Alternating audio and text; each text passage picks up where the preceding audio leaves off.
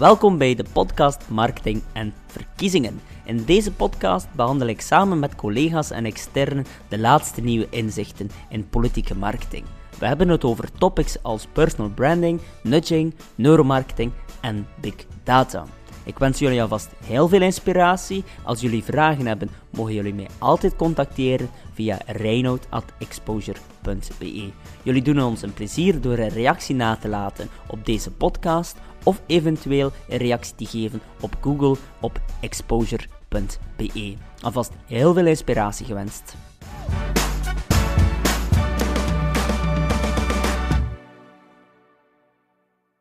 Welkom bij alweer een nieuwe aflevering van de podcast Marketing en Verkiezingen. En deze keer starten we met een nieuwe co-host, namelijk Pieter de Vocht. Pieter de Vocht is onze nieuwe collega binnen Exposure, maar in plaats van uh, hem zelf voor te stellen, misschien is het veel beter als Pieter zichzelf voorstelt. Welkom Pieter.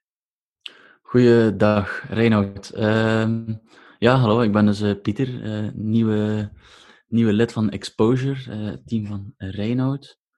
Ehm, ik heb bestuurskunde en public management gestudeerd in Gent en daarna nog een extra jaar in politieke communicatie. Volledig gebeten door, door politiek en alles wat er bij komt kijken. Dus uh, ik ging na mijn studies uh, een paar stages doen bij de zevende dag bij de VRT, bij Ter Zaken. En uh, zo kwam ik uiteindelijk terecht bij Exposure als politieke marketeer. Ja, het was eerder per toeval en dan hebben we elkaar nog tegengekomen in de zevende dag. En zo zijn we uiteindelijk in het contact een beetje geraakt en van het een kwam het ander. Dus uh, nogmaals, welkom Pieter. En uh, laten we onmiddellijk starten met een actueel thema. Of toch uh, ondertussen nu al een paar dagen wel achter de rug. En dankzij of door de coronacrisis nu niet meer zo actueel. Wij nemen deze podcast ook op in volle tijden van corona. Dus voor, de, voor de luisteraars, er is zeker social distan distantie. want ja, ik denk Pieter, jij zit nu in Brugge. Mm -hmm. Ik ben in Brugge aan het opnemen. Ja, ja, ik zit in Roeslaar, dus dat is zeker meer dan anderhalve meter. Het zou voldoende afstand uh, moeten zijn. We zijn uh, gezond en wel bezig. Maar dus uh, een tijdje terug kwamen we in de media op VRT-website omtrent de clash tussen ja, Open VLD en NVA, waarin ze ja, elkaar aanvielen via geanimeerde video's, laten we het zo zeggen, op verschillende sociale media. Dus uh, wat was jouw mening daarover, Pieter? Uh, ja, toch straf. Uh, Gwendoline Rutten kwam naar de studio van Ter Zaken om eigenlijk een afscheidsinterview te geven, want haar termijn als voorzitter van Open VLD zit erop. En vervolgens maakte NVA gebruik van die situatie om een kort videootje op Twitter te posten en scherp uit te halen naar Gwendoline Rutten. Mm -hmm. in die video werd, uh, werd eigenlijk een montage gemaakt waarbij ze uh, zichzelf tegensprak over het onderwerp confederalisme, eh, wat natuurlijk N-VA nou aan het hart ligt. Dus er werd haar eigenlijk hypocrisie verweten, flipfloppen over het onderwerp van confederalisme. Vroeger was ze voor, nu zou ze tegen zijn. Ehm, dus dat, dat werd eigenlijk een, een online eh, steek richting Gwendoline Rutten eh, op basis van haar afscheidsinterview. Ja, maar dan kwam uh, meestal als zoiets gebeurt, gaan politieke partijen niet hard in de tegenaanval gaan, maar in dit geval was het iets anders. Ja, inderdaad. Uh, Open VLD liet het niet uh, bij die reactie. Uh, normaal gezien horen we Gwendoline Rutten vaak zeggen when they go low, we go high. En daarmee bedoelt ze dat ze niet uh, reageert op uh, persoonlijke uithalen of op kleine relletjes.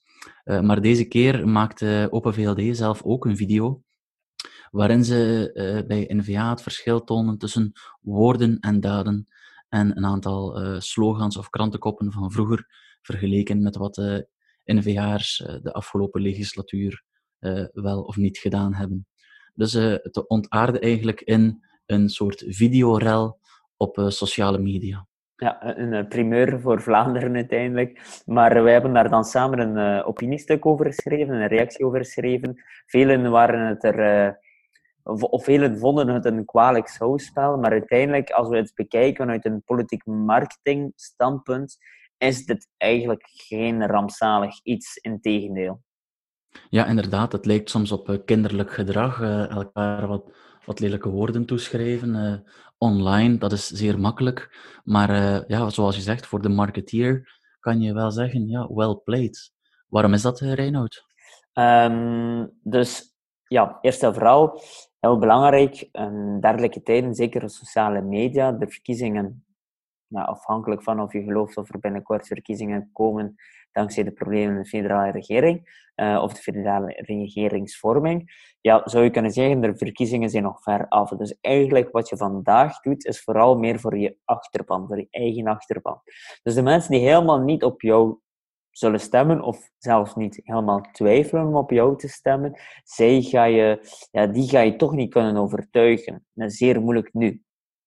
Is nog ver af. Dus het is eigenlijk meer om de eigen achterban te stimuleren, de eigen achterban te triggeren. En uiteindelijk hebben beiden dat gedaan. En door ook de andere achterban aan te vallen, heb je wel een voordeel. Ik noem dat vaak in mijn workshops uh, White Walker uh, effect. En dat is een eh, kleine knipoog naar de Game of Thrones uh, serie. Waarbij eigenlijk de, de verschillende groepen die normaal, ja, de verschillende achterbannen die, of de verschillende clans tegen elkaar waren, plots wel begonnen samen te werken en eigenlijk harder aan elkaar hangen. En dat is eigenlijk ook iets wat we vaak zien als mensen, of als een leider wordt aangevallen, of een bepaalde figuur van een bepaalde groep wordt aangevallen, dan gaat die groep sterker aan elkaar hangen. Dus uh, de aanval van zowel OpenVLD naar NVA toe als NVA zijnde naar OpenVLD toe, is eigenlijk voor beide achterbannen uh, mooi meegenomen, omdat die nog meer aan elkaar zullen hangen. Die zullen dan waarschijnlijk de comeback of de video van zowel eh, OpenVLD of NVA meer delen. Dus dat is eigenlijk een winsituatie voor de politieke partij. En dan als, uh, ja, als, als volgende punt is dan ook, we hadden op dat moment het enkel nog over Open VLD en NVA, waardoor er helemaal geen sprake meer was over de andere partijen. En als we dan bekijken naar, naar verschillende studies, dan vooral wel, wel Amerikaanse studies, die zeker te nuanceren zijn op een, uh, of in een Vlaamse context, is vaak als zij die het meest in de media komen, ze hebben daar ook wel het meest baat bij. Dus op zich krijgen ze nu meer aandacht en uiteindelijk de boodschap, of je die nu van OpenVLD of nu die van NVA ziet, als je bijvoorbeeld enkel die van NVA hebt gezien en snel die van OpenVD hebt weggeklikt, dan heb je wel de boodschap van NVA gezien. En niet meer van andere partijen, en al zeker niet meer uh, van partijen zoals NVA, so, sorry, van CD&V of Groen. Dus die, die, kwamen toen niet meer te sprake. Dus met verschillende redenen, puur vanuit misschien politiek cynisch marketing uh, aspect, kan je inderdaad zeggen, zoals je zei, well played. Ja, nu, uh, wij als burger, mijn mama, papa of oma, opa, die denken misschien, potverdorie, die politici, we zijn toch gaan stemmen, de verkiezingen zijn toch gepasseerd is het nu niet gedaan met ruzie maken? Is het niet het moment om een regering te vormen? Want daar hebben we toch lang op moeten wachten.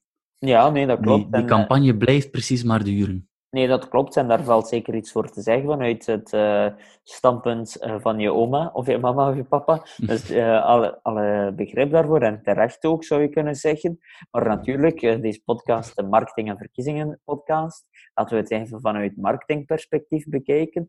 Um, en zeker vanuit politiek marketingperspectief, ik denk dat dat de laatste pagina is van het boek, het nieuwe campagne voeren die ik samen met Najat uh, schreef. ik denk, het nieuwe campagne voeren start gisteren.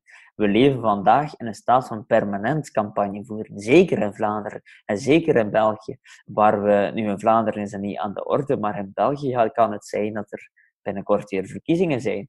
En dankzij de sociale, of, door, of mede door de sociale media, is er gewoon een permanente vorm van campagnevoering. Campagnevoering gaat om zaadjes planten. En een zaadje, dat wordt maar een mooie plant wanneer het regelmatig soigneert, regelmatig water geeft, regelmatig de goede voedingsstoffen geeft. En vandaar, en pas dan kan het een mooie plant worden. En dat is zeker zo permanent, in campagne voeren, dat is nu iets permanent. En met de sociale media kan je niet achterblijven, moet je continu top of mind proberen te blijven. Dus je mama en papa en oma hebben zeker gelijk, maar vanuit politiek marketingstandpunt kan je heel moeilijk anders. Natuurlijk, over de stijl kan er zeker gediscussieerd worden, maar dat is dan iets dat persoonlijk afhankelijk is. Dus we hebben ons er eigenlijk bij neer te leggen dat uh, marketing uh, online steekspelletjes, dat dat niet stopt bij de verkiezingen, maar dat dat vanaf nu permanent loopt? Wel, je, je kan zeker discussiëren of politieke steekspelletjes, dat dat hoort. En of dat dat een uh, meerwaarde is voor het politieke maatschappelijke draagvlak. Ja, daar valt zeker over na te denken. Daar valt waarschijnlijk ook wel over te twijfelen, uh, laat het me zo zeggen. Maar als we het puur vanuit een marketingstandpunt bekijken, dus puur vanuit ja, oké, wat moeten we doen om de verkiezingen te winnen? Dan kan je niet anders dan eigenlijk permanent communiceren en permanent proberen te overtuigen. Op welke manier dat nu moet, moet dat aan de hand van politieke steekspelletjes? Waarschijnlijk niet. Het kan ook waarschijnlijk op een andere manier. Maar het belangrijkste is dat mensen over jou spreken, dat je boodschap gezien wordt. Hè. Dat is een van die uh, psychologische of een van die belangrijke modelletjes, zoals velen misschien zullen het AIDA-principe kennen, of AIDA zeggen soms ook mensen. Um, het eerste start met uh, aandacht. Hè. Je moet altijd de aandacht krijgen van mensen voor je kan overtuigen. Het model dat wij vaak gebruiken is het Monroe's Motivated Sequence. Het start altijd met aandacht krijgen. En het is nu eenmaal zo, ook de traditionele media, dat men meer aandacht heeft voor dergelijke zaken dan voor de sterk inhoudelijke boodschappen. Dus als politieke partij of als politicus politica ben je wel in misschien heel korte bocht, of niet misschien zeker heel kort voor de bocht wat ik nu zeg, ben je een stuk genoodzaakt om wel altijd op dat randje te communiceren. Ja, je moet scherp uit de hoek komen. Je moet vaak om op te vallen. ja, je moet vandaag val je meer op door scherp uit de hoek te komen dan zeer inhoudelijk te communiceren. Dat is wel waar. Maar opnieuw, hoe dat dan zeer uh, concreet moet uitgewerkt worden, moet dat aan de hand van politieke steekspelletjes, dat is zeer persoonlijk afhankelijk. En daar valt voor de een iets te zeggen en als ook voor het ander iets te zeggen. Er zijn voordelen en nadelen aan. Maar ik denk inderdaad niet dat uh, het politiek vertrouwen hierdoor zal stijgen. Dat wel niet. Nee, dat klopt. Maar dat is dan de even, evenwichtsoefening dat je als zender moet maken. Nu, het, uh, het online video steekspel tussen OpenVLD en NVA eh, kadert eigenlijk in de sfeer van de onderhandelingen voor een federale regering, die uh, toch zeer lang hebben geduurd tot we in de coronacrisis terechtkwamen.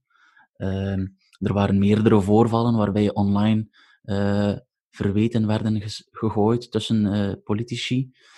Nu, daarmee voelen we ons eigenlijk helemaal in dat uh, permanente campagne voeren, in dat nieuwe campagne voeren. Meestal is Vlaanderen of België een achterloper in dat verhaal. Is dat bij deze ook zo? Lopen wij uh, achter? Ja, uh, puur op politiek marketingvlak bedoel je dan? Ja, inderdaad. Uh, dat permanente campagne voeren, is dat iets wat in het buitenland al vele jaren aan de gang is? Ja, ik zou niet zeggen dat we per se achterlopen, maar het is wel zo dat het een trend is dat internationaal plaatsvindt. Dus dat is zeker niet enkel en alleen in België zo. Uh, ook in Amerika is dat zo, maar natuurlijk met campagnes heb je nog wel een piek. En eh, ja, zeker nu met de Amerikaanse presidentsverkiezingen, als je ziet hoeveel campagnebudget er wordt uitgegeven de laatste weken. Dat is gigantisch, dat kan je niet vergelijken. In één week wordt door één kandidaat meer uitgegeven dan in een partij uh, over de, Vlaamse partijen samen uitgegeven de afgelopen jaren. Dus uh, op dat vlak, als we gewoon kijken naar die cijfers, ja, dan kan je wel zeggen dat we wel nog achterlopen, zowel op het permanent campagne voeren als ook het campagne voeren in tijden van verkiezingen. Ja, je raakt het al even aan. Die Amerikaanse presidentsverkiezingen, dat is ook eigenlijk een, een extra hobby van ons. Ja, maar dat is waarschijnlijk voor in een volgende podcast om daar eens dieper op in te gaan. In de volgende podcast zullen we het inderdaad hebben over um, ja, hoe verschillende kandidaten campagne voeren. En we zullen daar voornamelijk even focussen op de tools die ze gebruiken. Zo zullen we kijken um, hoe Bernie Sanders te werk gaat en we gaan die vergelijken met Donald Trump. Dus een, uh, ik hoop toch een zeer interessante podcast de volgende. Ja, daar kijk ik al zeker naar uit. Om nog even kort samen te vatten. Het steekspel tussen de Open VLD en de NVA met persoonlijke video's om elkaar aan te vallen. Het is misschien niet, niet het mooiste zicht voor eh, de burger, maar uh, vanuit een marketingbril kunnen we toch wel zeggen dat ze zichzelf slim in de kijker hebben geworpen. Ja, het valt natuurlijk En dat de campagne eigenlijk nooit stilstaat. Nee, Zeker niet voor de eigen achterban. Klopt, dat laatste klopt zeker. Maar het valt uiteraard ook wel een stuk te nuanceren. Um, ik heb het nu vooral over, over de korte termijn. Je kan je ook afvragen wat zijn de effecten op lange termijn. En dat kunnen we nu te moeilijk in kaart brengen. Op lange termijn, zoals het politiek vertrouwen, inderdaad, dat, als je dat meermaals herhaalt, zal dat zeker niet stijgen zo. Maar nu op korte termijn is er ook geen drama. Integendeel, het zal ook op korte termijn enkele voordelen hebben opgeleverd. En dat was eigenlijk de insteek van ons opiniestuk.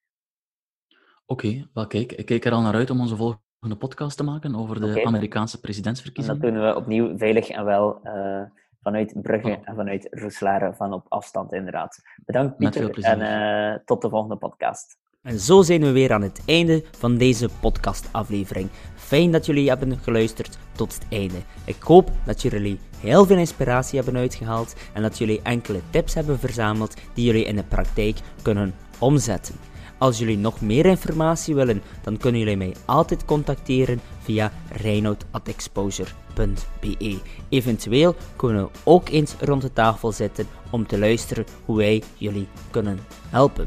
En opnieuw, jullie doen ons alvast een plezier door een review na te laten op deze podcast of een recensie te schrijven op Google voor exposure.be. Alvast bedankt en tot de volgende aflevering. Dag.